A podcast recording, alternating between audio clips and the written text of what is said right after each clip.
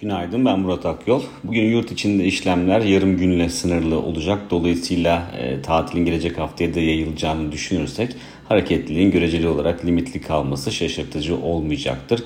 Yurt dışına baktığımızda ise Amerika'da Haziran ayı istihdam rakamları açıklanacak bugün. Dolayısıyla haftanın son işlem gününde yurt dışında hareketliliğin e, yüksek seyretmesine neden olabilir açıklanacak veriler. Son aylara baktığımızda aslında 400 binden çok fazla uzaklaşmayan rakamlar görüyorduk Amerika'da ama bu kez 300 bin seviyesinin altına inmesi bekleniyor tarım dışı istihdamın. Diğer taraftan işsizlik oranına baktığımızda ise onun da %3.6'da sabit kalacağı tahmin ediliyor. Ama tabii ki veriyi sadece manşet rakamıyla değil her zaman olduğu gibi enflasyon açısından da önemli bir gösterge olan e, saatlik kazançlardaki değişimle birlikte değerlendirmek çok daha doğru bir yaklaşım olacaktır. Bu noktada saatlik kazançlardaki e, değişim beklentisine baktığımızda aylık bazda %0.3'lük bir beklenti söz konusu. Yıllık bazda ise %5 oranında artış göstermesi bekleniyor verinin. Yani e, önceki aya kıyasla yıllık rakamı değerlendirdiğimizde küçük bir miktar geri çekilme bekleniyor. %5.2'den 5'e doğru bir gevşeme bekleniyor.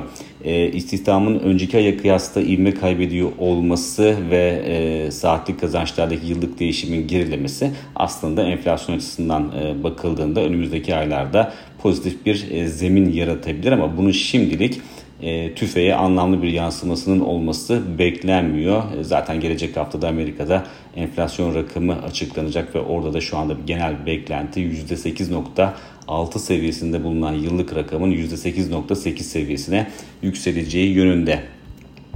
E, bugünkü verilerde özellikle e, istihdam rakamlarının beklentilerden ne derece sapma göstereceği aslında biraz daha önemli olacaktır. Piyasa beklentisinden e, çok daha güçlü rakamlar oluşması durumunda faiz artırımlarının kuvvetli şekilde devam edeceği beklentisinin ağırlık kazanması doğal olarak risk iştahına negatif yansıyabilir. Tersi bir senaryo ise destekleyici bir faktör olarak çalışabilir ama e, tersi bir senaryonun gerçekleşmesi durumunda yani beklentilerden çok daha kötü bir rakam e, gelmesi durumunda şu önemli olacaktır.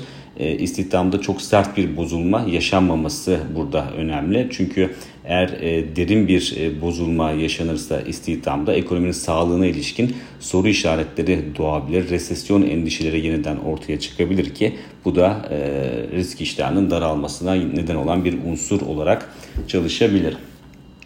İçeriye döndüğümüzde ise içeride e, dolar TL'nin e, 17.30 seviyesinin üzerine test etmeye başladığını görüyoruz son günlerde. Ki burada aslında teknik açıdan baktığımızda özellikle 17.34 seviyesinin önemli bir nokta olduğunu düşünüyoruz. Bu seviyenin altında kalındıkça e, TL'nin e, en azından daha fazla değer kaybı limitlenmiş olacaktır. Teknik açıdan böyle tabii ki. Ama bu seviyenin aşıldığı bir e, senaryoda ise yukarıda hareket alanı genişleyebileceği için volatilitenin de artış göstermesi e, sürpriz olmaz.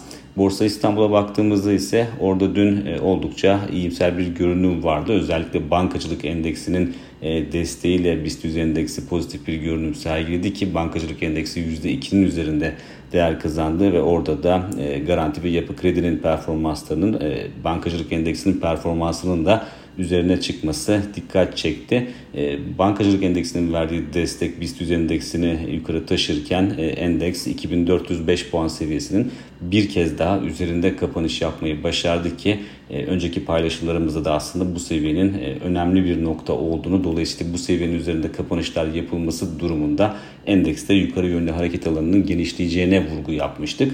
Bugün yarım gün ama bugün de bu seviyenin üzerinde kalmayı başarırsak e, önümüzdeki hafta için ya da sonraki hafta için çünkü gelecek haftada işlem günü sadece iki günde sınırlı olacak. Sonraki haftada daha güçlü bir eğilim oluşmasını sağlayabilir. 2405 seviyesinin üzerinde arka arkaya yapılacak kapanışlar. Bir sonraki podcast'te görüşmek üzere.